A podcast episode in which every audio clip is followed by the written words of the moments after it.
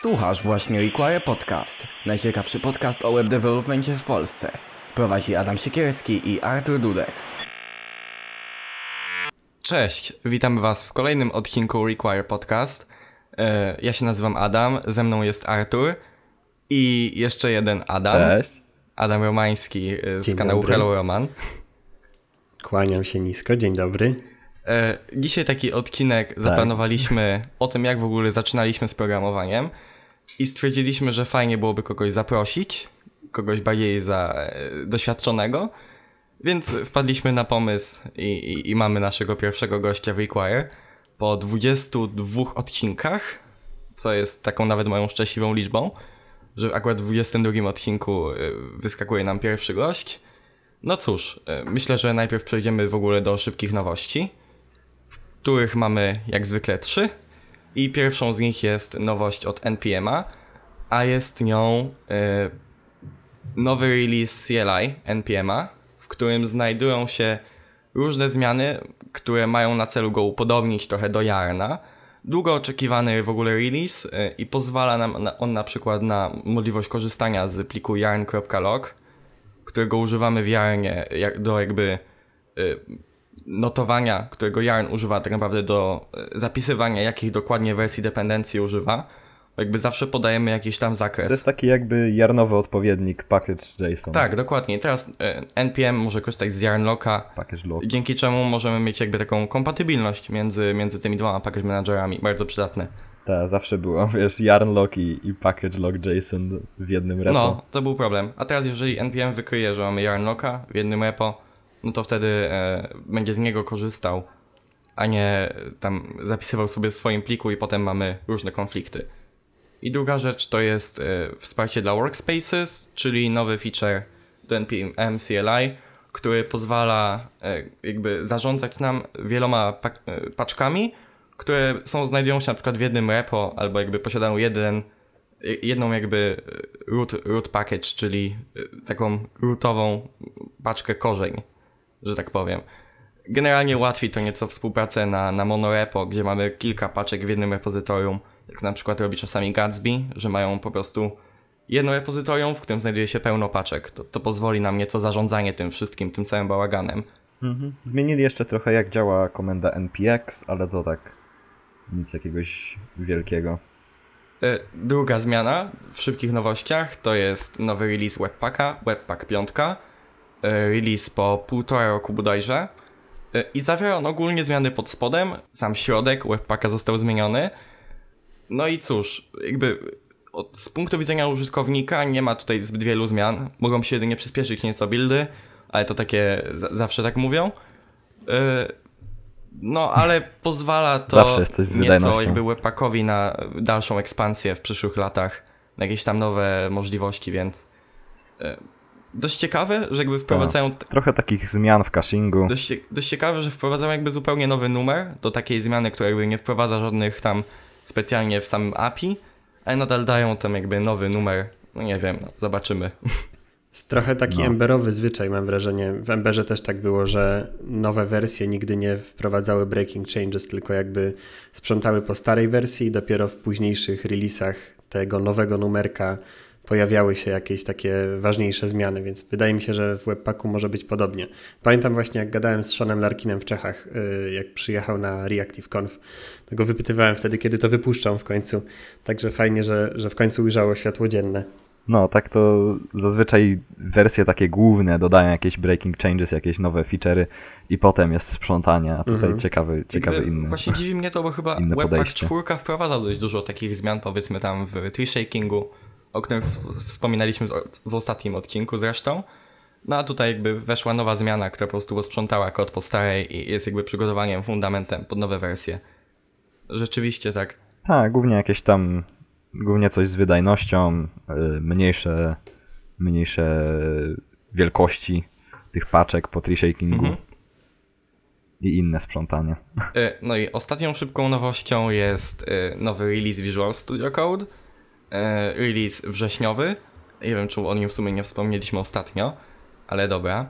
E, największa zmiana, jaką wprowadzają, to wprowadzenie buildów dla, na architekturę ARM co jak na razie pozwala nam instalować Visual Studio Code na przykład Chromebookach albo Raspberry Pi, a w przyszłości mamy wrażenie, że jest to zmiana, która typowo jest przygotowaniem pod y, MacBooki y, z architekturą ARM, które mają wyjść niedługo.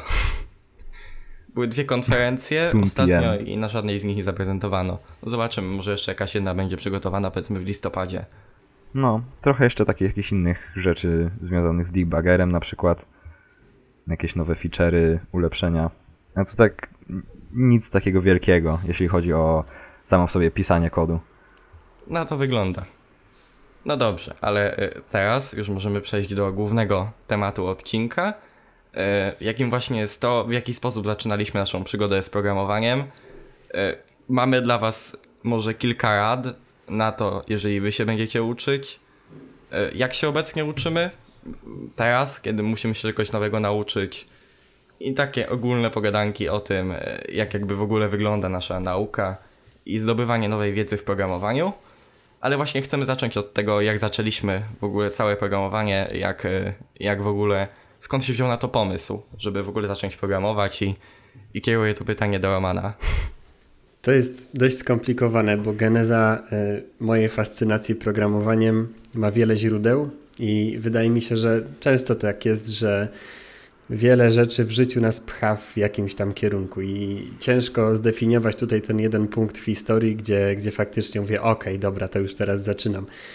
Właśnie często mi ludzie zarzucają, że ja co, to, co kiedykolwiek ktoś mi zadaje to pytanie, to ja mówię jakąś inną wersję. I to nie jest tak, że ja wymyślam to za każdym razem na nowo, tylko po prostu naprawdę y, w moim życiu było kilka takich etapów, które powodowały, że gdzieś tam przybliżały mnie do, do tego, żeby w końcu za ten kod się wziąć. Więc jakby no pierwszymi takimi objawami było to, że jeszcze jak miałem tam 12-13 lat, to mój brat wtedy zaczynał projektować strony. On jest designerem i byłem jego takim beta testerem wszystkich pomysłów. To jeszcze były czasy, kiedy we Flashu się wszystko robiło, więc mm, Nomen Omen był też frontendowcem, bo po prostu implementował te wszystkie animacje na stronie. No więc dla mnie to było takie mega ciekawe, ale wtedy jeszcze to ani się frontendem nie nazywało, ani nie miało to zbyt wiele wspólnego z, z programowaniem. Więc, y, no, więc trochę się bawiłem we Flashu. Y, trochę tam tego ActionScripta poznałem siłą rzeczy, ale to były takie zupełne podstawy. E, później gdzieś tam w, na etapie studiów mój kumpel Rafał do mnie przyszedł, powiedział, że chce ze mną zrobić aplikację. On był programistą, ja miałem zaprojektować interfejs. To miała być taka gra powiedzmy multiplayer na telefony, ale w końcu to się nie, nie udało, nic z tego nie wyszło. Natomiast y, ja się zainteresowałem właśnie tym, żeby zacząć robić też interfejsy w kodzie, czyli jakby oprócz tego, że miałem zaprojektować te aplikacje, to chciałem jeszcze spróbować właśnie własnym sumptem spróbować zrobić taki interfejs tej aplikacji w HTML-u i w CSS-ie. I od tego się zaczęła taka już na poważnie przygoda z frontendem. Mm, wtedy zacząłem się uczyć z tych wszystkich tam treehouse'ów, Codecademy i tak dalej. Naturalnie później przyszedł JavaScript, nie? więc jakby no, to jest jakaś tam jedna z historii, która się wydarzyła, ale która sprawiała, że, że byłem trochę bliżej tego programowania. No i jakby od jednego do drugiego w końcu stało się tak, że trochę się tego frontendu nauczyłem, trochę zacząłem e, więcej tych stron robić i, i, tak powstał Chocapik, jak to mówią w reklamie. Tam jeszcze ostatnio mówiłeś w odcinku, że, e, że tam coś jeszcze z Pythonem miałeś na studiach bodajże? Tam jakieś skrypty w Pythonie czy coś? Coś, coś tam było chyba. Tak, tak, a to w ogóle też wynika z, z, historii właśnie z tym kolegą Rafałem od aplikacji, bo on y, bardzo dużo w Pythonie siedział. Ja jakby naśladując go trochę też zacząłem się tego Pythona uczyć, bo mi się po prostu spodobał. Strasznie ładny to jest język y, i też wydaje mi się, że taki bardzo przyjazny dla początkujących. I zrobiłem sobie taki skrypt. Musiałem porównać mm, layouty serwisów informacyjnych w Polsce na przestrzeni 15 lat, czyli od momentu, kiedy powstały Interia, Onet, WP, Gazeta i tak dalej, czyli tam późne lata 90. do 2015 roku. I po prostu wchodziłem na archiwum internetowe, miałem taki skrypt do robienia screenshotów, e, jakby z każdego roku i później porównywałem to w taki sposób, że mapowałem sobie, co jest obrazem, a co jest tekstem na takiej stronie i chciałem znaleźć proporcje, ile było tekstu i obrazu na początku istnienia tych serwisów, a ile było później, nie? czyli jak się zmieniała ta sieć, jak wykorzystywaliśmy przestrzeń y, w layoutach tak naprawdę. Nie? I to też wiadomo, że to było w jakiś sposób powiązane z przepustowością, że po prostu im szybszy net, tym więcej tych obrazków można było tam nawalić. No i taka ciekawostka, że na przełomie tam wieków na gazeta.pl było 2% obrazków i 98% tekstu, a już w 2015 roku było 97% obrazu i tylko 3% tekstu. Aż taka duża zmiana? No, więc... O. No, ogromne, ogromne. Wow. Właściwie jakby odwrócenie zupełne ról E, tych mediów, także no, bardzo ciekawe. No więc y, i, I, to właśnie mi robił taki skrypcik w Pythonie, który porównywał te zmapowane elementy i określał ich proporcje, nie? więc no, bardzo proste to było, to brzmi skomplikowanie, to było bardzo prymitywne. E, w każdym razie miałem przy tym sporą zabawę, podobało mi się to. W sumie tak jakby porównując, e, że jakby to zawsze było z tobą gdzieś tam od początku, to można by powiedzieć, że, że wiele osób tak jakby ma, którzy tam, które się tam zajmują, nie? Czymś, czymś w branży tam programistycznej, bo u mnie to było chyba podobnie, e, w sensie na początku jakby nie miałem w ogóle dostępu do, do kompa, tylko miałem tam iPada swojego, no i zawsze tam coś chciałem po prostu na nim hakować, nie? I, i później e, wreszcie postanowiłem kupić sobie kompa, tam potem było C++, testowałem, potem był chyba C Sharp, później jeszcze lepszego kompa, to sobie wrzuciłem Unity, gdzieś tam zawsze był jakiś HTML, CSS, nie? Jeszcze w tle. No i, i później jakoś tak wyszło, że, chcę, że chciałem zrobić apkę desktopową i właśnie przez to nauczyłem się tak porządnie JavaScriptu, yy, właśnie z tym całym środowiskiem nodowym, bo wybrałem sobie Elektrona, by tą apkę napisać. I, i to było takie, taki moment, że tak powiem, przełomowy. To jest też ciekawe, bo w zupełnie innych czasach przypadał ten mój etap jakby bycia nastolatkiem, a.k.a. hakerem, gdzie po prostu robiło się różne głupie rzeczy na kompie, a inne czasy były u ciebie, nie? gdzie ta dostępność tych technologii i jakby wiedza o nich była dużo bardziej powszechna, więc to też jest y, bardzo ciekawe zjawisko. Ja pamiętam, że jako nastolatek, gdzieś tam w wieku 15-14 lat, instalowałem na przykład znajomym na kompach Trojany. był, taki, był taki Trojan tak. prosiaczek się nazywał, który mógł udawać na przykład instalkę do Winampa. Mm, pozdro dla ludzi, którzy pamiętają Winampa jeszcze. E, i, I po prostu przez to, że ktoś nie miał antywirusa, no to taki Trojan mógł zostać zainstalowany i miał się taki bardzo prosty i przyjemny interfejs do sterowania kompem, typu wysuń CD-ROM albo odpal jakąś stronę w przeglądarce. Wiadomo, jakie strony się kumplom odpalało zdalnie. Oni nie wiedzieli, co się dzieje. Stara wchodziła do pokoju. Było śmiesznie.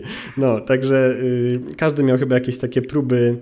Y, właśnie kombinowania z tymi kompami. Też y, nic dziwnego, że teraz, kiedy się słyszy o jakichś atakach hakerskich, to bardzo często autorami tych ataków są, nie wiem, 14-latkowie. Ostatnio tak było, chyba z Instagramem, który do, tam 14-latek dostał 100 tysięcy złotych nagrody za znalezienie jakiegoś memory leaku, więc no, zajebiste to jest, nie? Ale właśnie to jest domena, wydaje mi się też dzieciaków, y, w cudzysłowie oczywiście dzieciaków, którzy kombinują z kompami, nie? I ta ciekawość też często właśnie prowadzi do tego, że ktoś w końcu zostaje tym programistą, nie? No bo to w jakiś sposób się łączy, to kombinowanie na kompie. Bo jakby to zawsze wynika z, z próby tak, zrobienia dokładnie. czegoś na sprzęcie, który mamy jako właśnie taki, taki dzieciak, nie? Bo na przykład ja tak. taką rzeczą, którą zawsze próbowałem gdzieś dokonać, to był jailbreak na, na iPadzie. I to było takie, mhm. taki wiadomo, próba jakby złamania tych zabezpieczeń iOS-a, można było coś tam wrzucać. Tak, ja też właśnie kiedyś jak się bawiłem też takie rzeczy hakerskie mini, to sobie pisałem jakieś śmieszne skrypciki w bacie, w baczu i no, był, był po prostu taki okres, gdzie próbowałem jak najbardziej e, popchnąć do limitów mój komputer. Więc to też miało pewnie duży wpływ. No ale ty w ogóle tam jakby, jak już zaczynałeś zupełnie, nie? Jakby stypowo właśnie programowaniem, to tam chyba próbowałeś boty do Discorda pisać jakby od tego się tak zaczęło?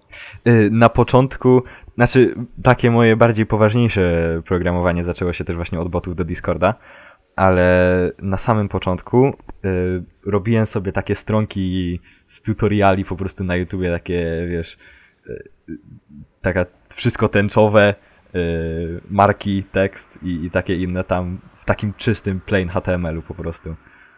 bo no wiesz, był dostęp do YouTube'a i tak jakoś się nudziłem dużo, to jak cokolwiek zobaczyłem, to od razu spróbowałem e, podążyć u siebie. W sumie to jest jakby dobre miejsce, by, by tak wspomnieć nie o tych naszych pierwszych źródłach, skąd się uczyliśmy, bo ja na przykład na samym początku się wypierałem jakikolwiek tutoriali na YouTubie i tylko tam po prostu sobie znalazłem jakąś stronkę, typu wpisywałem sobie w internet kurs JavaScript, kurs y, CSS, kurs HTML po prostu czytałem sobie jakąś darmową tam stronkę, nie? Tam z jakimiś przestarzyłymi informacjami.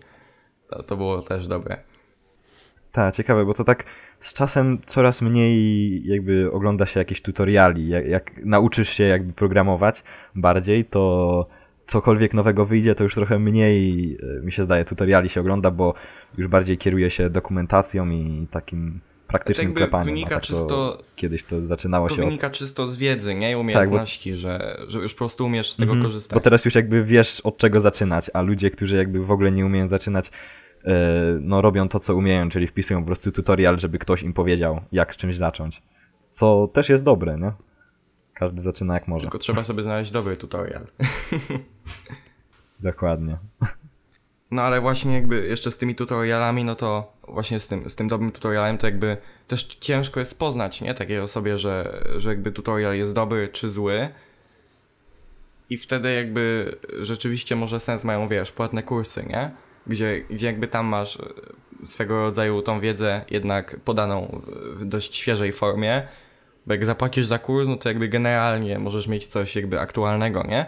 Jeżeli tam powiedzmy jakiś, znajdziesz sobie jakiś tutorial na YouTubie, to jest dość duża szansa, że on powiedzmy tam będzie wyprodukowany z, z 5-6 lat temu, co przy obecnym jakby mm. tempie i przy obecnej dynamice rozwoju powoduje, że jakby on będzie dość przestarzały i na przykład teraz jest, jakby masz pełno takich tutoriali powiedzmy sprzed 5 lat, nie? Gdzie tam oni uczą na przykład na floatach, robienia layoutów, albo takich rzeczy, nie? No, to no. zależy jakby od źródła, nie? Jest faktycznie kilku autorów, którzy nie aktualizują swoich kursów e, i też trzymają te, te stare filmiki bez żadnego komentarza, że praktycznie jest to już wiedza historyczna, e, ale jest też mnóstwo na YouTubie darmowych, e, świetnych autorów, na przykład, nie wiem, Denet Ninja albo Fireship.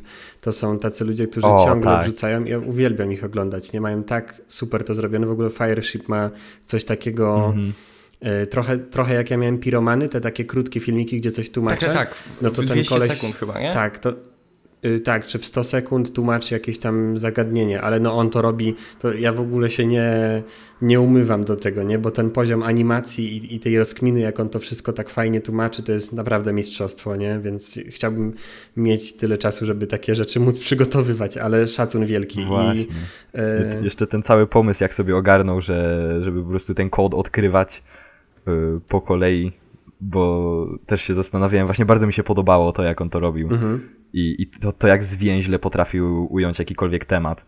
Tak. I właśnie też uwielbiam gościa, więc polecamy. Tak, więc no jakby też opłata za materiał nie równa się, nie jest jakby równoznaczny z, z, gwarancją jakości. Nie? Wiadomo, że są autorzy, którzy robią płatne materiały wątpliwej jakości. Na Udemy znaleźć takich można naprawdę tysiące. Na Udemy albo tam jakieś, jest...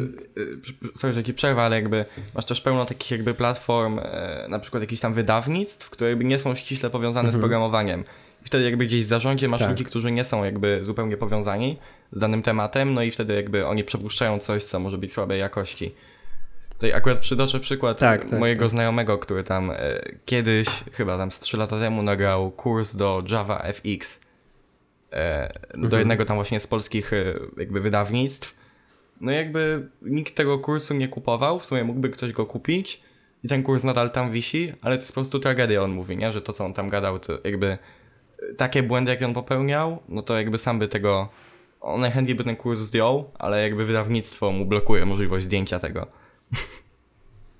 Okej, okay. no także różne są sytuacje, nie? Trzeba, trzeba uważać. Wydaje mi się, że jednak y, słuchanie ludzi i czytanie opinii ma jakąś tam wartość i jakiś sens, chociaż też bywa różnie, bo na takich grupach, jak jestem gdzieś tam na fejsie, programowanie, pierwsze kroki, y, często są polecani ludzie, którzy no nie robią najlepszych materiałów, nie? Jest zwłaszcza taki jeden, nie chcę tu wymieniać nazwiska, nikogo tutaj krytykować ani atakować, bo absolutnie nie mam jakby tutaj takich y, pobudek, żeby komuś wjeżdżać, e, ale, ale po prostu są tacy ludzie, gdzie się utarło, że oni robią fajne tutoriale, a tak naprawdę sporo w ich materiałach albo jest przeterminowane, albo nie do końca poprawnie opowiedziane, nie? Gdzieś tam mocno na skróty. Czy, bo często masz takie tutoriale, które jakby z punktu widzenia początkującej osoby są mega fajne, są fajnie wytłumaczone powiedzmy, masz jakby e, fajną formę tego tutoriala, ale sama treść może być tam właśnie nie ten teges.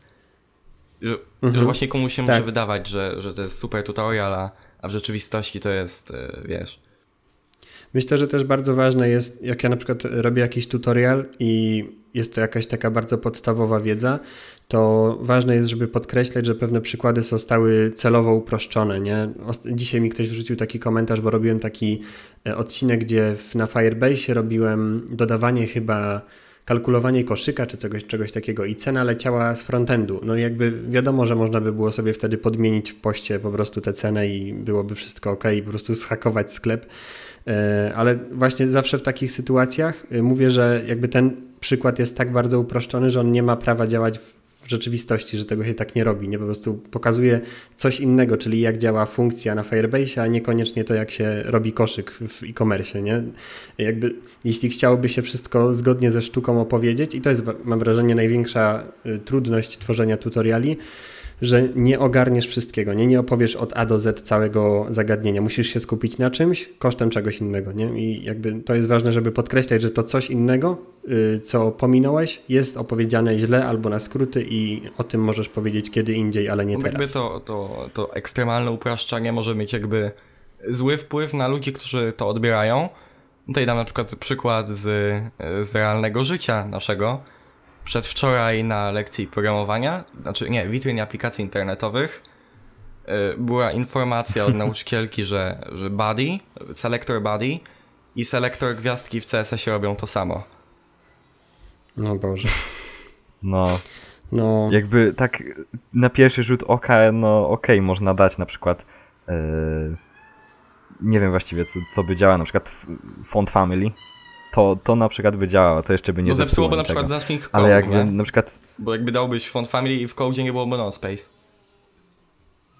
Tak, ale to jest w ogóle takie absurdalne, bo nawet jeżeli jest jakiś yy, edge case, gdzie tutaj edge case'ów bardziej jest takich, które by działały niż, niż nie działały, to, to tak czy siak no, no nie powinno się takiej wiedzy wbijać komuś do głowy. Nie? No nie, no jakby to zupełnie nie ma sensu, nie? Bo te znaczniki robią mm -hmm. zupełnie co innego, bo gwiazdka ci łapie Dokładnie. każdy element osobno, a body ci łapie tylko body, nie? I jakby jeśli ktoś jeśli jakiś element dziedziczy od body, na przykład font family, no to spoko, ale jeśli na przykład dałbyś border red na body, a na gwiazdkę, no to masz totalnie inny efekt. Nie? Cokolwiek. E, tak, overflow. To jest w ogóle... Linearny gradient na przykład e... na background byś ustawił. No, tutaj, tutaj edge case'em są rzeczy, które by działały i nie zepsułyby całej strony raczej. Tak. Y, a propos czerwonego obramowania na gwiazdce, na selektorze uniwersalnym, to to jest spoko opcja. Jak ktoś debuguje sobie jakiś interfejs i na przykład nie kuma, co mu się dzieje z marginami i paddingami i nie chce każdego jakby sprawdzać po kolei każdego elementu, to właśnie można sobie zrobić taki border na każdym elemencie i wtedy dość fajnie widać, y, jak się te pudełka mm. układają. To taki protip. Coś tak kojarzę, że chyba... Tak, bez, bez włączania DevToolsów. Właśnie w Firefoxie w DevToolsach tak. jest taka opcja. Możesz sobie na wszystkich elementach o, to zrobić. No, Firefox ma fajne tytule do debugowania. Tak, szczególnie jak teraz mają tą nowszą wersję y, Firefox Developer Edition. Mhm. I tam też mają rzeczy bardziej do, do właśnie CSS-a przystosowane. Mhm. Jakby on, oni biją zupełnie Chroma na, na ten, e, jakby jeżeli chodzi o DevToolsy. Tak. A jeszcze mhm. wracając do tych źródeł wiedzy, e, tych płatnych, nie? Bo jakby te kursy, które rzeczywiście trzeba tam e, jakby dobrze też poszukać, to masz jeszcze książki, które w ogóle moim zdaniem są Oj, jakby tak. zależy do czego, ale w 90% przypadków lepiej kupić kurs niż książkę, nie? Bo na przykład, bo książki... Mm, bo kursy jeszcze mogą być aktualizowane, nie? Zależy do czego. Ja, ja, generalnie wychodzę z założenia, że faktycznie jeśli chodzi o technologie, które są dynamiczne bardzo, na przykład nie wiem, nie kupiłbym sobie książki do Reacta, nie? Albo do, -hmm, do, nie wiem, do mhm. TypeScriptu albo czegoś takiego, bo uważam, że dokumentacja i materiały w necie są po prostu super przygotowane i właśnie ich naturą jest to, że mogą być na bieżąco aktualizowane, ale jest też mnóstwo książek, które są mega wartościowe, typu czysty kod, tak. albo na przykład mam coś takiego jak y, refactoring of design systems, chyba tak to się nazywa, czy X-rays of design systems, jakoś tak. To jest właśnie o refaktorowaniu, taka kobyła ogromna, też bardzo ciekawa. Y, I, I, tych książek właśnie bardziej opisujących takie uniwersalne podejście do pisania kodu jest mnóstwo i one są super, bo opowiadają o czymś, co istnieje od lat i właściwie nie zmienia się albo zmienia się bardzo powoli, ewoluuje. I tego typu książki są ekstra, żeby sobie y, trochę taki deweloperski background poszerzać. Y, natomiast jeśli chodzi właśnie o takie typowo tutorialowe rzeczy, to różnie z tym bywa. Chociaż na przykład, nie wiem, Tomek Jakut zrobił tę książkę o y, JavaScriptie zaawansowanym i ona, mimo że ma już parę lat, to, to sporo rzeczy tam jest nadal aktualnych. Nie? I też y, trochę inaczej opowiadała to wszystko. Trochę, tam był trochę inny pomysł na, na to, jak, jak to wszystko przedstawić, bo tam się pisało własną bibliotekę. Ja pamiętam, że z tej książki sporo wyciągnąłem. Więc no, to wszystko zależy, nie? ale moim zdaniem nie ma co tutaj rzucać takich ogólnych y, stwierdzeń, bo ktoś może po prostu uwielbiać uczyć się z książek i, i wtedy nawet jeśli książka jest, znaczy najważniejsze, żeby była aktualna ta książka i jeśli jest aktualna, no to będzie nadal dobrym źródłem, nie? Po znaczy, prostu tak. trzeba liczyć się z tym, że za parę lat już nie będzie aktualna mhm. i już będzie trochę gorsza. Jakby musisz zauważyć, że, że jakby mamy takie pewne zagadnienia, na przykład w tym JavaScriptie, y, które dotyczą typowo jakby tego, co, co siedzi pod spodem. Na przykład była taka książka w języku angielskim, You Don't Know JS, nie? Gdzie tam zupełnie mhm. tłumaczył, jak zupełnie działają, wiesz, closures, wszystkie, wszystkie jakby rzeczy pod spodem JavaScriptu. I to rzeczywiście tam jakby spoko, nie? Taką książkę można sobie kupić. Ale kupowanie czegoś typowo o jakiejś bibliotece, typu na przykład y, taki absurd, książka o Bootstrapie i obecnie jest nadal sprzedawana książka o Bootstrapie 3, gdzie teraz mamy tam tą piątkę, nie? Ojej. I, i... Tak, dla mnie to jest mm. trochę absurdalne i też jakby Bootstrap i jego dokumentacja są na tyle fajne, ja nie lubię korzystać z Bootstrapa ja generalnie, też. ale jeśli miałbym z niego korzystać, no ja to też. dokumentacja w zupełności wystarczy, nie? Po co książkę do tego kupować? Tak, dokładnie. Dokumentacja jest chyba taką rzeczą, która jest. E, czytanie dokumentacji jest bardzo e, umiejętnym, e, przydatnym skillem. Mhm.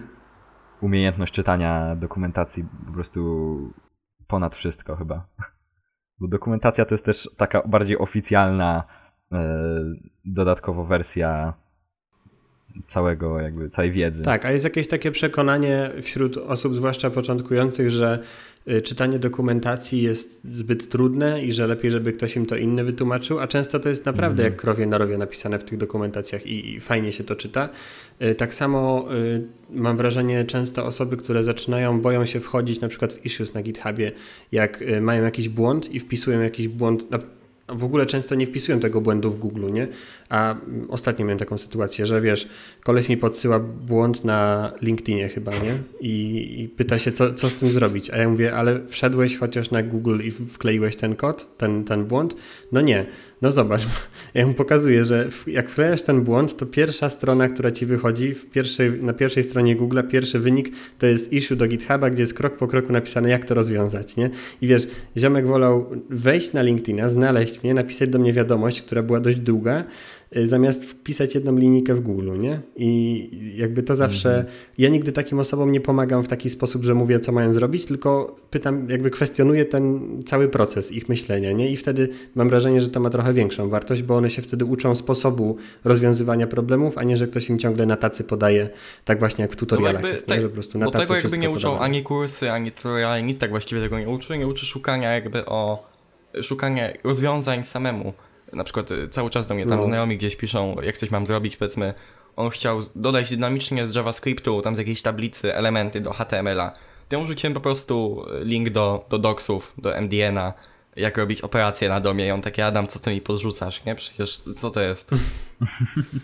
No, i tak jest właśnie. Tak, bo to jest, to jest takie trochę takie trochę dziwne, że jakby temat, który cały ogólnie opiera się na rozwiązywaniu problemów, czyli programowanie to jest po prostu rozwiązywanie problemów jakichś codziennych poprzez tworzenie jakichś rzeczy. E, nie jest uczone właśnie, e, bardzo często nie jest uczone od, od właśnie takich podstaw jak jak te problemy rozwiązywać, swoje własne na przykład. Chociaż fajne było na przykład, y, tam gdzieś sobie wakacje obadywałem Go y, i później Roman na swój kanał wrzucił ten odcinek o Go i tam właśnie był ten link do takiego kursu Go First Seasons, jakoś tak to się nazywało. Mhm, no i tam mhm. on właśnie po każdym jakby odcinku tego kursu dawał zadanie, nie? Jakby zgłęb sobie doksy i, i stwórz jakiś feature samemu do tamtego kodu z tego tutoriala. I to było takie, no tak. okej, okay, no muszę się nauczyć korzystać z doksów Go. No bo rzeczywiście to jest inne niż tam powiedzmy korzystanie z dokumentacji tam napisanej przez kogoś z JavaScriptu. Go miało to nieco inaczej wykminione i, i rzeczywiście to dużo pomaga, bo jakby musisz rzeczywiście zobaczyć jak, jak to wygląda, jak wygląda dokumentacja danej tam funkcjonalności. E, I to jest taka rzecz, która rzeczywiście jest chyba przydatna w kursie, żeby, żeby właśnie dodać coś takiego. Mhm. JetBrainsy tak. też zrobiły taki fajny mm, taki fajny jakby ciąg zadań. To się nazywa JetBrains Academy i tutaj jest tak, że to co prawda są do, do Pythona zadania, ale fajne jest to, że tu jest jakby taki brief opisany, co trzeba zrobić, a niekoniecznie jak to zrobić. I to są takie właśnie ciekawe y, zadanka, które też sobie można porobić, bo mam wrażenie, że często osoby, które zaczynają, uzależniają się od tutoriali, gdzie wszystko jest napisane jakby wprost, a ciężko im wymyślić jakieś zadanie dla siebie, no bo to jest skomplikowane, żeby sobie samemu rozkminić coś, co wiesz, nie jest to-do listą, tylko czymś bardziej zaawansowanym, nie? Yy, I właśnie fajnie, jak są takie materiały, gdzie, gdzie to jest pokazane.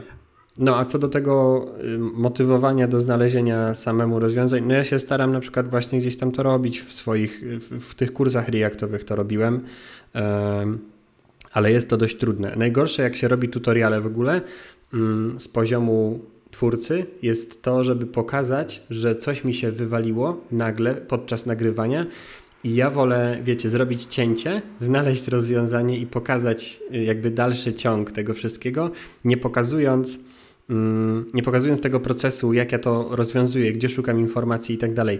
I trochę to wynika z tego, że raz boję się, yy, boję się, że to będzie nudny fragment, a dwa, jednak ciągle jest jakieś takie, wiecie, z tyłu głowy, ej dobra, to ja tutaj zrobię cięcie, bo ludzie pomyślą, że jestem debilem, nie? I, i to tak. jest naprawdę ciężkie, żeby się przemóc, żeby pokazać tę swoją, w cudzysłowie, słabość i po prostu pokazać, ej dobra, ja tego nie wiem, mimo że to jest jakaś podstawowa rzecz, typu e, jak usunąć element z, z Node'a jakiegoś, nie? W HTML-u. I można takie rzeczy zapominać, jakby każdy o tym zapomina w pewnym momencie i nie ma w tym nic złego. Mm, ale pokazać, że się tego nie wie, to narazić się tym samym na, na po prostu krytykę. O Boże, jaki kretyn, że tego nie umie. Nie? No bo jakby to nie jest nic złego, nie? Mm -hmm. Jest to taki że, że czegoś nie wiesz jakby, no. bo, bo nie musisz tego pamiętać na pamięć. No, kto, ci, kto ci każe? Ewentualnie szkoła, ale to jakby inna kwestia. tak, po to jest dokumentacja i umiejętność jej czytania, a nie zapamiętywanie wszystkiego na pamięć. I też widzę jakby, że jest taki problem, że, że jeżeli masz ludzi, którzy coś tam oglądają i powiedzmy się znają na czymś, nie? I jakby znają rozwiązanie tego, a widzą jak ktoś to rozwiązuje, no to może to tak trochę irytować, nie? Co ty robisz? Że masz to na tacy, nie? To rozwiązanie. Mhm. Tak kiedyś, kiedyś się z tym spotkałem właśnie. Że, że właśnie coś oglądałem i, i, i, właśnie tam ktoś nie mógł czegoś rozwiązać, no, i, no to ja takie, masz to rozwiązanie, nie?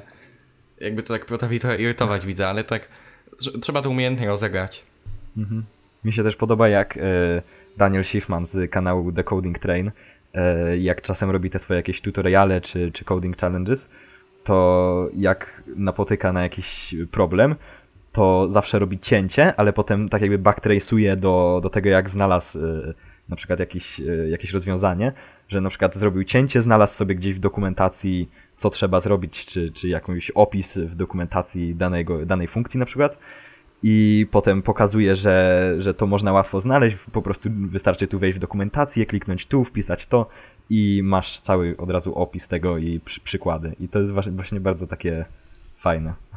Też chodzi o to, żeby to wytłumaczyć jakby, wiesz, jasno dla ludzi, którzy to oglądają, jakby cały czas musimy mieć z tyłu głowy to, że, że ktoś, kto nas ogląda, jakby nic o tym nie wie, I to jest też takie duże wyzwanie przy, przy tym, jak na przykład nagrywamy jakieś odcinki, nie? Podcastu, gdzie tam tłumaczymy jakiś e, temat, tak powiedzmy od zera, taki techniczny, no to rzeczywiście tam trzeba się trochę wysilić, żeby jakby to maksymalnie łopatologicznie opowiedzieć bez jakby e, robienia jakichś skrótów myślowych, które mogłyby tam kogoś w błąd wprowadzić, czy coś tego typu. Bo to jest też właśnie taki e, taka rzecz, którą pewnie się robi na co dzień, nawet nie, nie myśląc o tym, bo jak gadasz z kimś, kto już wie o co chodzi, no to skróty myślowe bardzo ułatwiają po prostu komunikację, a jak e, trzeba kogoś nauczyć, czy komuś coś wytłumaczyć, to trzeba pamiętać, żeby właśnie mówić wszystko w pełni. No tak, ale jakby wracając do tych źródeł wiedzy, z których my korzystaliśmy, no to tak krótko podsumowując, e, jakby należy zwrócić uwagę na jakby jakościowość danego źródła, bo w każdym źródle możemy znaleźć coś, co jakby e, powiększy naszą wiedzę. I taką podstawą chyba jest po prostu łapanie się jakiegokolwiek źródła wiedzy, jakie możemy sobie znaleźć, jakie nam wiemy, że może przypasować. E, przede wszystkim musimy patrzeć na to, czy, co jakby inni ludzie, że sądzą o tym źródle wiedzy, no i po prostu robić, robić tego jak najwięcej, nie? Jakby tam gdzieś do, do śniadania może poczekać, poczytać jakiegoś bloga, powiedzmy się zapisać na jakiegoś newslettera, powiedzmy od Medium. E, nie wiem, wieczorem coś tam jakiś po prostu kod poklepać, w tramwaju posłuchać podcastu, cokolwiek, nie? Żeby jakby po prostu cały czas e, móc się rozwijać i jakby mieć kontakt z różnymi zdaniami na dany temat, bo jakby właśnie chyba największym błędem jest to, że że jakby złapiemy się danego jednego, powiedzmy jakiegoś źródła, jakiegoś jednego tutoriala, poradnika, kursu i po prostu brniemy z nim. Mm, jakby kiedyś takie coś robiłem, nie? Że po prostu łapałem się jednego poradnika i do danej technologii e, po prostu korzystałem tylko z tej jednej rzeczy, z tego jednego tutoriala i później po jakimś czasie dopiero jakby szukałem dodatkowych rzeczy i takie okej, okay, nie wiem o co chodzi w tym innym miejscu, bo jakby ten dany tutorial zawierał tylko jakby dany skrawek wiedzy. I w sumie mam chyba na to metodę obecnie, bo jakby jeżeli chcę się czegoś nowego nauczyć, powiedzmy ostatnio tam próbowałem sobie coś w dotnecie i w C-Sharpie, żeby sobie obadać, no i e, jakby jest takie coś, że jakby możesz sobie robić inny projekt, bazując jakby na danym poradniku, ale zupełnie coś innego, czyli powiedzmy dany poradnik pokazuje jak zrobić jakiegoś krada do, do powiedzmy tasków, a ty sobie robisz jakiś minimalnie inny system, co ciebie zmusza do szukania jakby równolegle w jakichś innych miejscach danych informacji. Powiedzmy w, w innych miejscach dokumentacji, w, w, jakimś tam, nie wiem, Stack Overflow, yy, albo po prostu rozwiązywania błędów, o którym już wcześniej tam mówiliśmy, z tym właśnie szukaniem po issues, po, po jakby w różnych po prostu miejscach, nie? Tak. Y, do, dodam tylko jedną rzecz, przyczepię się y, do newslettera Medium, jestem do niego zapisany i do tych wszystkich tam kanałów typu Berry Programming na Medium i tak dalej. Mm, przez jakiś czas dość uważnie czytałem te artykuły tam i trzeba uważać na, na taką pułapkę artykułów na Medium, bo one często są bardzo powierzchowne. Y, często też na przykład są artykuły typu, to jest w ogóle przepis, jak zrobić y, udany artykuł na Medium, wrzucić y, tytuł typu 5 trików w Reakcie, które ułatwią Ci pracę.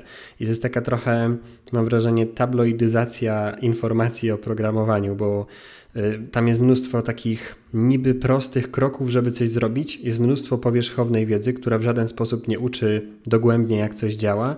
Y, jest dużo takich jakichś prostych trików, które często w ogóle nie mają uzasadnienia, więc y, generalnie uwaga na artykuły z Medium.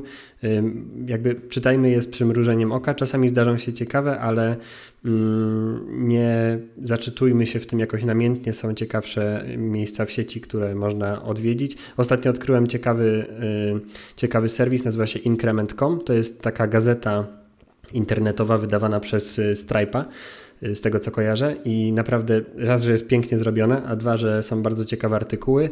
Y, trzy, można sobie kupić wersję papierową, U. choć jest strasznie droga, ale, ale wygląda po prostu kozacko, więc ja jeden numer sobie zamówiłem z ciekawości, zobaczę jak przyjdzie. ale, ale no, bardzo ciekawe miejsce też ostatnio przypadkowo na to wpadłem.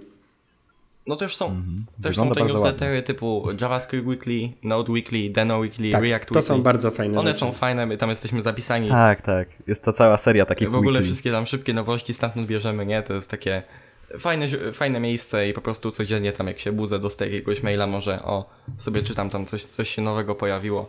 Bo rzeczywiście z tym medium może być tak, że, że na przykład Albo też jakby, ty mówisz, że, że jakby oni powierzchownie to traktują. W ogóle czasami jest tak, że, że w artykule na Medium masz po prostu takie zupełnie oczywiste oczywistości, nie? Które są po prostu przedstawione w ładny sposób, że, że to jest jakiś w ogóle trik super, nie? No to prawda, to Medium prawda. mi się zdaje, że to jest taki bardzo jakby clickbaitowe podejście Bardzo. do, do jakiegoś, wiesz, newslettera. Tak, tak, tak jest. Dlatego mi się średnio tam podoba.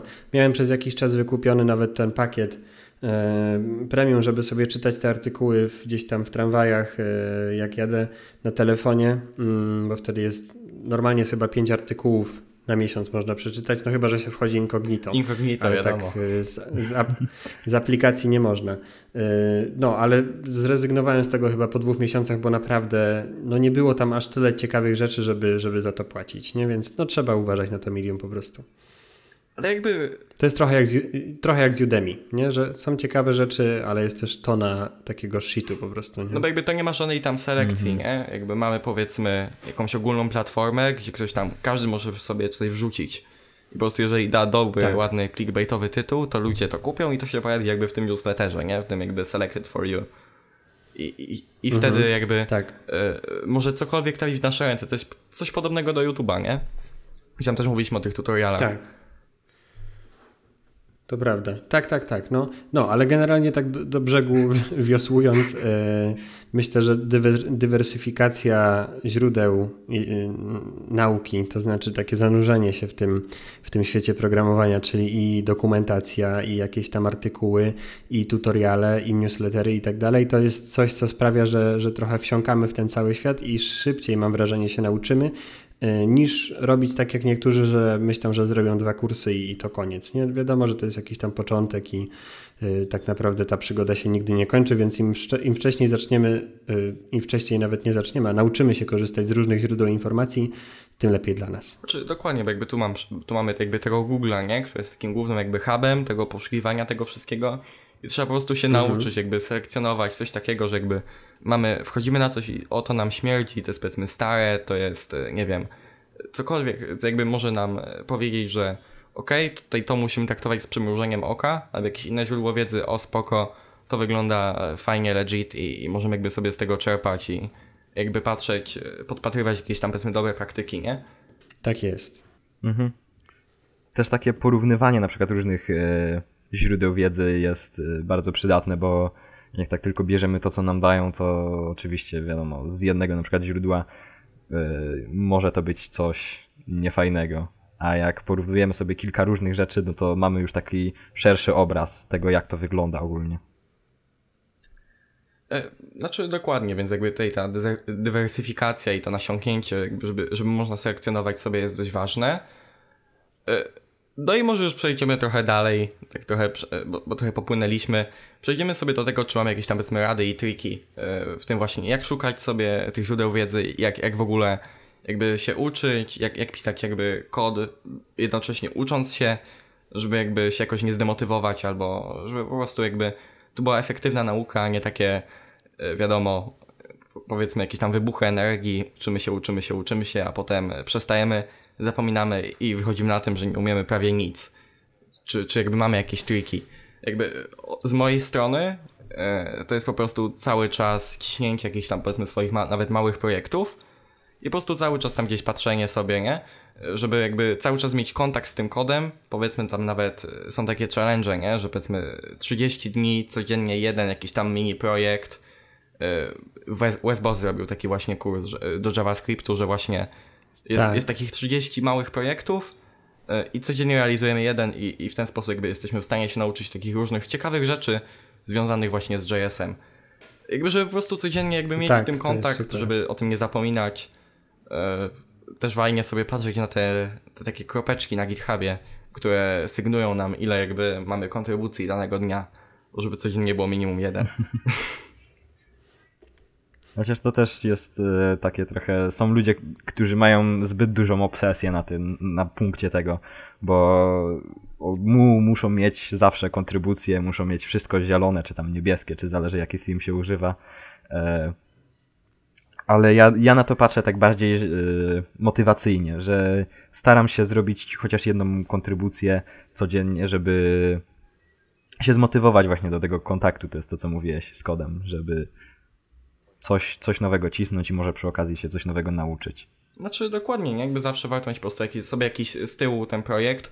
To co mówiłem jakby przy nauce tam z jakichś kursów, nie? Że, że jakby zawsze róbmy sobie jakiś tam powiedzmy swój projekt wymyślony, a niekoniecznie po prostu cisnąć tutoriale po kolei, tutorial po tutorialu, bo jakby on jakoś specjalnie nie rozwinie, nie? Jakby tutoriale bardziej mają na celu pokazanie czym coś jest i dać taki jakby grunt po to, żeby potem móc coś swojego cisnąć, a nie kończymy coś tam, jakiś tam powiedzmy, nie wiem, kurs, tutorial, cokolwiek i uważamy, że my coś umiemy, nie? My, my nie umiemy, my tylko wiemy jak coś tam powiedzmy wygląda.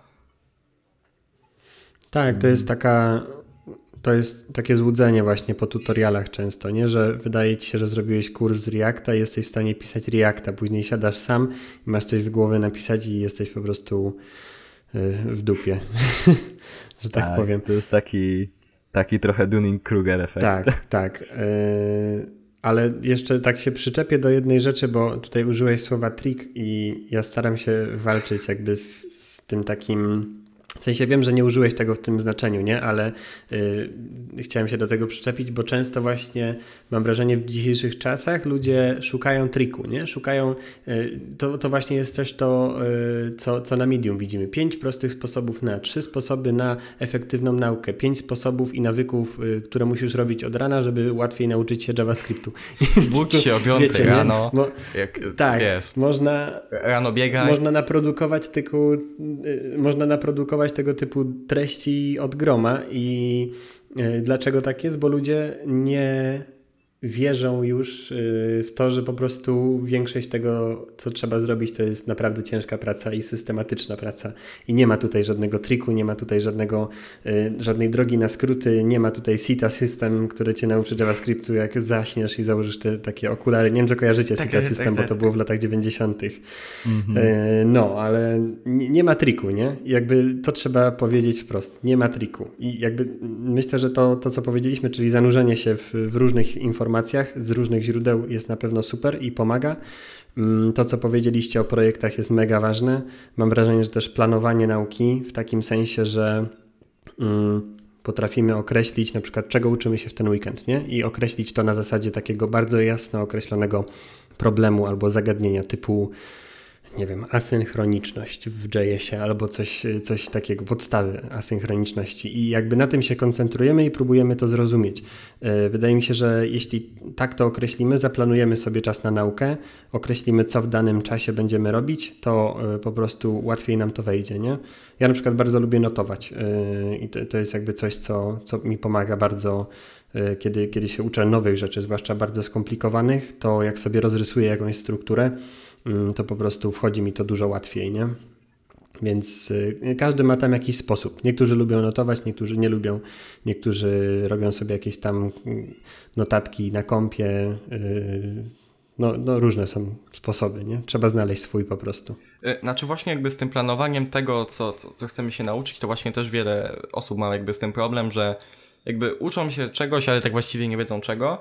No i właśnie w takim czymś może nam pomóc, powiedzmy, taki frontend roadmap, e, jakby ogólnie ta strona roadmap.sh, na której jakby mamy wymienione poszczególne tam kolejne kroki, fazy nauki czegoś.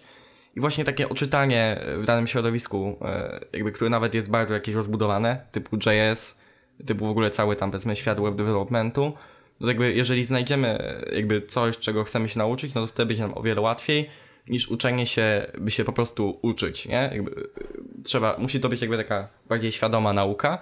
To, ty właśnie mówiłeś o notowaniu, nie? Jakby to też nam pozwala nieco bardziej przekombinować to, tą naukę, żeby jakby e, być świadomym tego, co, co my tak właściwie robimy. Tak. No, no, notowa notowanie też y, mi bardzo na przykład pomaga, jak y, dostaję jakiś ciężki projekt i on już jest jakby napisany, jego struktura jest w jakiś sposób zagadkowa. No i przechodząc od pliku do pliku, czasami ciężko sobie poukładać w głowie, co z czym się łączy, co wywołuje co i tak dalej. I mhm. wtedy właśnie otwarcie notesu i rozrysowanie tego po prostu na kartce e, w taki schematyczny sposób to jest dla mnie odkrycie w ogóle życia, nie? Że, że to tak bardzo pomaga. To jest super. E, więc jeśli ktoś staje przed takim problemem, że wydaje mu się, że czegoś totalnie nie zrozumie nigdy, bo jest po prostu tak skomplikowane, to narysowanie tego krok po kroku naprawdę daje dużo, więc polecam. Jakieś tam algorytmy na przykład, nie? Tam powiedzmy, tam chyba z, z 3 miesiące temu właśnie miałem coś takiego zaawansowanego do zrobienia i sobie to po prostu rozrysowałem i w ogóle to jest takie proste, nie? Wystarczyło jakby, tam było kilka funkcji do zaimplementowania i jakby trzeba to sobie rozrysować i wtedy wszystko jakby nam łatwiej e, wychodzi. Czyli nie trzeba w ogóle stosować tak. jakichś tam schematów blokowych, jak uczą w szkole czy coś, nie? Tak jakby, tak, tak na swój umysł to po prostu trzeba zrobić i tyle. Tak, zdecydowanie, no. Także to polecam też.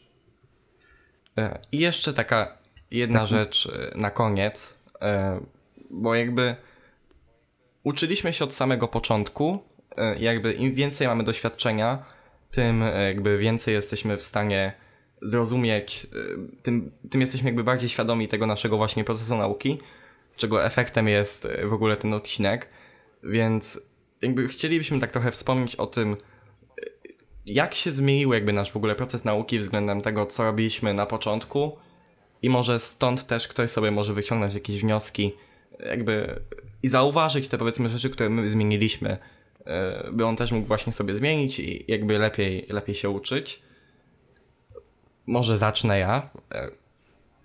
Ja na przykład na początku, mm, kiedy się uczyłem czegoś nowego, to jakby moim problemem było to, że ja to odhaczałem, powiedzmy, zrobiłem sobie tam nawet ten jeden projekcik, odhaczałem i jakby stwierdzałem, że to umiem.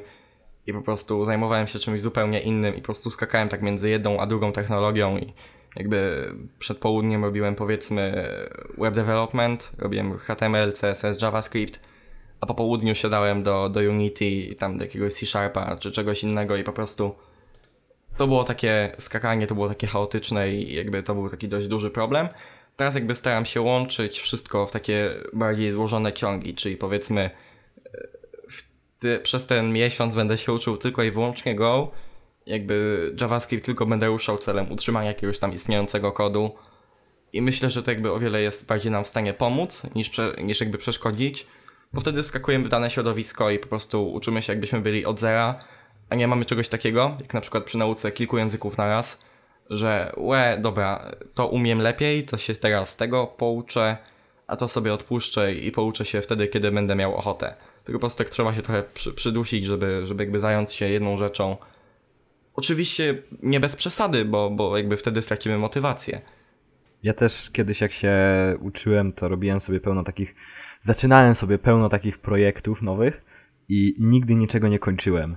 Klepałem sobie trochę jakiś jeden projekt i tak jakoś mi się trochę nudziło i tak mi się zdaje, nie wiem, trochę tyle słabo to wychodziło. mi się zdaje, bo jak już, jak już chcę coś zacząć, to staram się bardziej do, dopłynąć do, do końca, bo nie za bardzo mi to wychodziło na dobre, kiedy po prostu odpuszczałem sobie, jak, jak mi się po prostu przestało chcieć yy, klepać dany projekt, co też prześladuje mnie od, od początku. Wiesz co, jakby ja bym też tak nie mówił, że to jest jakieś specjalnie złe z tym, z tym bo jakby...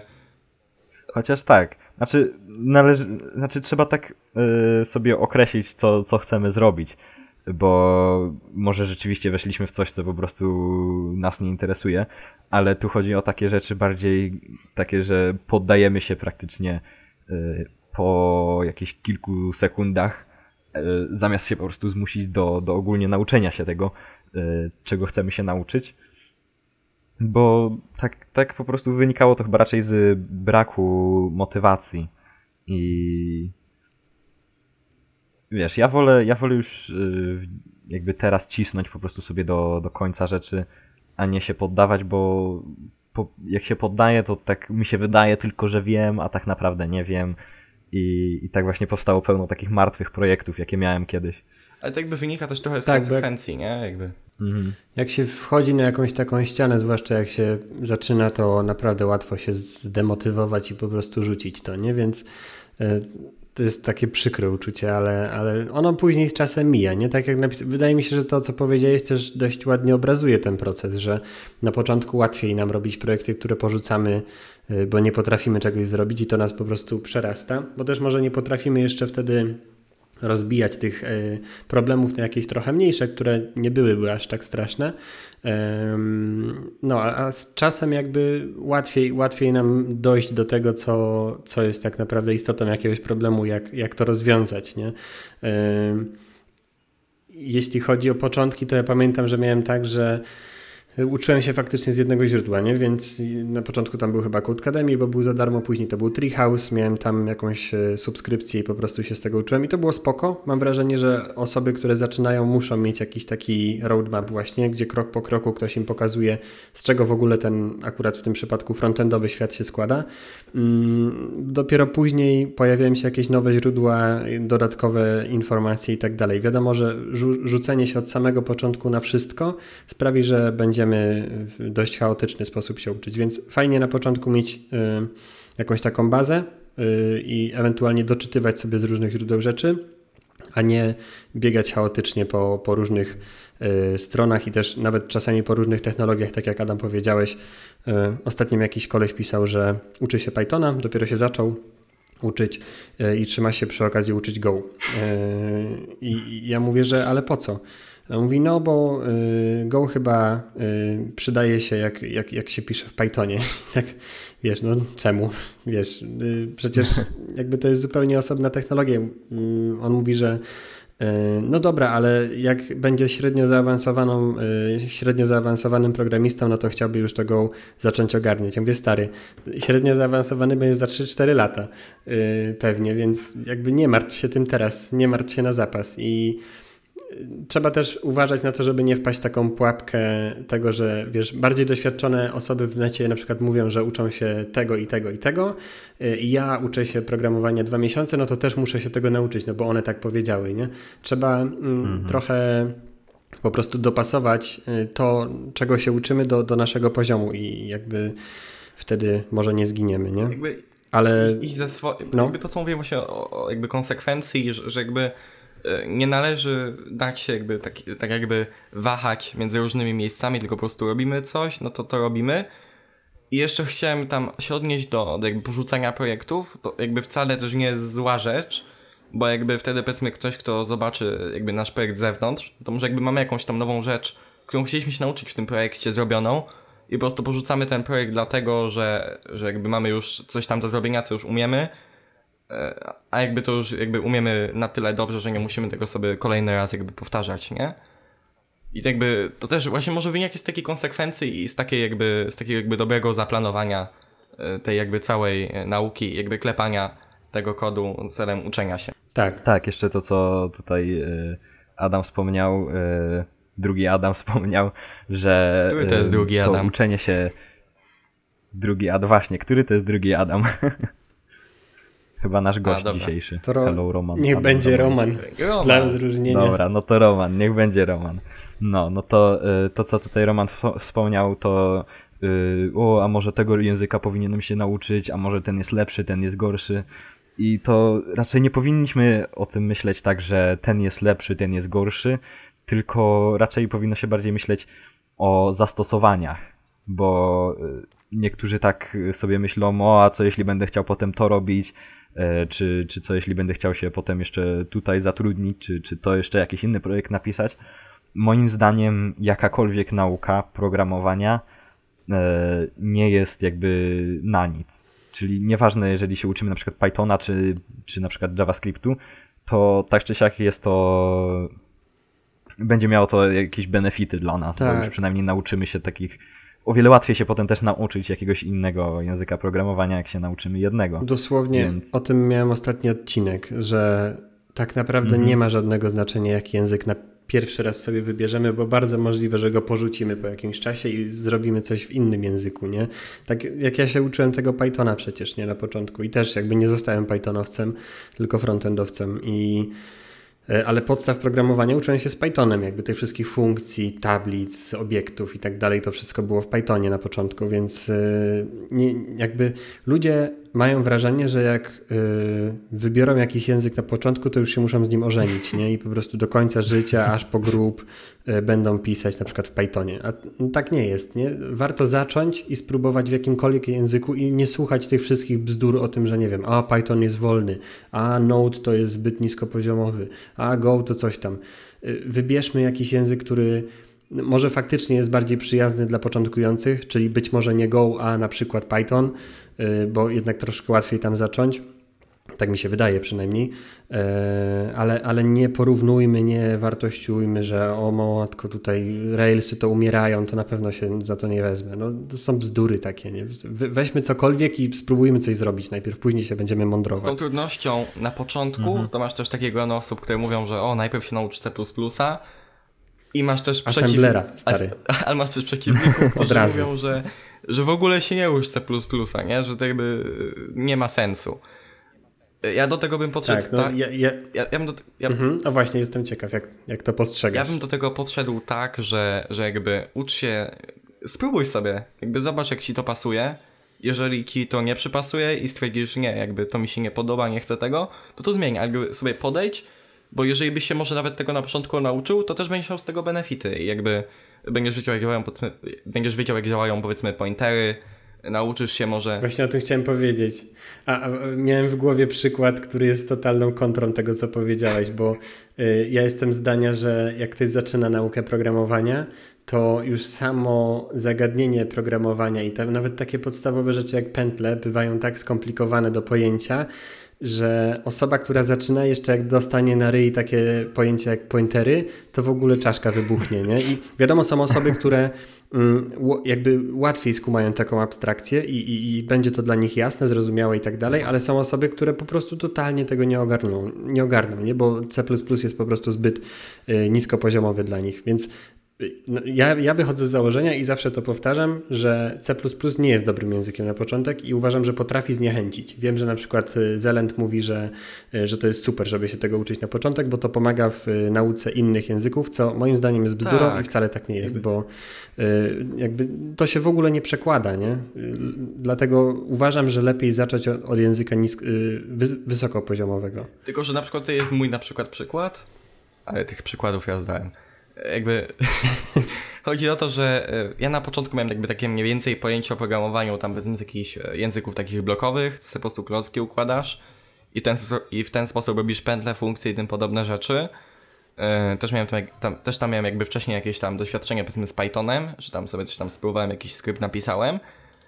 I później wziąłem się za C++, który, na którym zobaczyłem jak rzeczywiście to działa w kodzie, jakieś tam różne klasy i tym podobne rzeczy. No i właśnie jakby nauczyłem się tego, jak wyglądają pętle, klasy i inne rzeczy właśnie na C++. Więc jakby mhm. tutaj można polemizować na ten temat i chyba nie ma po prostu dobrego wyjścia. E, co wybrać na początek? Po prostu bierzemy to, co uważamy, że jakby dobra, bierzemy się za to i tyle. I chyba myślę, że, że tak. to jest idealne słowo na koniec. tak jest. No dobra. E, więc dziękujemy Wam za słuchanie tego odcinka. E, jeżeli spodobał Wam się, udostępnijcie znajomym. Oczywiście możecie zasubskrybować nasz newsletter, na którym e, może będziemy niedługo wstawiać jakieś nowe rzeczy. Jak na razie poleciały dwa listy. E, kilka osób je odebrało i raczej słyszeliśmy głosy pozytywne z ich strony. Możecie pobrać naszą aplikację podcastu. Jest aktualnie w zaawansowanej fazie beta Niedługo będziemy ją wypuszczać do sklepu Play, e, więc e, będziecie mogli mhm. pobrać już taką wersję pełnoprawną. Będą powiadomienia o nowych odcinkach, będą e, możliwości słuchania odcinków, będzie możliwość nawet pobrania odcinka wersji MP3, więc stay tuned. Zapraszamy was, zapraszamy was na na YouTube'a naszego gościa, bo oczywiście też trzeba wspomnieć, e, nasz gość Hello Roman tworzy genialne e, tutoriale, filmiki takie vlogi. Bardzo więc dziękuję. polecamy też sobie obczaić. Nie widać mnie, ale się rumienię. O, tak. Dziękujemy bardzo za to, że, że do nas tutaj dołączyłeś do tego specjalnego Wielkie odcinka. dzięki za to zaproszenie. była Było taka miło. abstrakcja, nie? Jak tam Mhm. w ogóle zaczynaliśmy podcast, żeby w ogóle kogoś zaprosić tutaj, to było coś niesamowitego, nie? Ty byłeś chyba takim numer jeden gościem. No to bardzo, mi, bardzo mi więc- miło, bardzo mi miło. Ja z, z reguły nie odmawiam y, udziału w podcastach, bo lubię bardzo ten format i też jakby nie mam problemu z gadaniem, jak widać. Mo, mo, popłynęliśmy parę razy, ale myślę, że, znaczy mam nadzieję, że, że to się spodoba i, i też była tam pewna wartość w tym naszym y, żeglowaniu wspólnym. E, Znaczy tam w ogóle kiedyś jeszcze w komentarzach więc- była jakaś propozycja, nie? Roman załóż podcast. A to było akurat wtedy, ja to przeczytałem ten komentarz, kiedy tam w ogóle tam pisaliśmy do ciebie, nie? Czy tam żebyś przyszedł i takie no, no, no, niedługo go usłyszysz, nie? W podcaście. Tak, nie, ja nie planuję robić własnego podcastu. To już by było naprawdę za dużo roboty. Już sam vlog pożera mnóstwo czasu. A też Tak, nie, to jest niemożliwe, podcast. żeby przełożyć vloga na audio, tylko to, to w ogóle nie jest ta forma, nie? Więc musiałbym się sporo nagimnastykować, żeby coś tam po, porobić z tym sensownego. Więc nie, nie, nie zamierzam. To jeszcze raz wielkie dzięki za zaproszenie. E, My również dziękujemy tobie, Mhm, że, że, że zgodziłeś tutaj przyjść. No cóż, e, do widzenia. Na razie. Cześć. Cześć.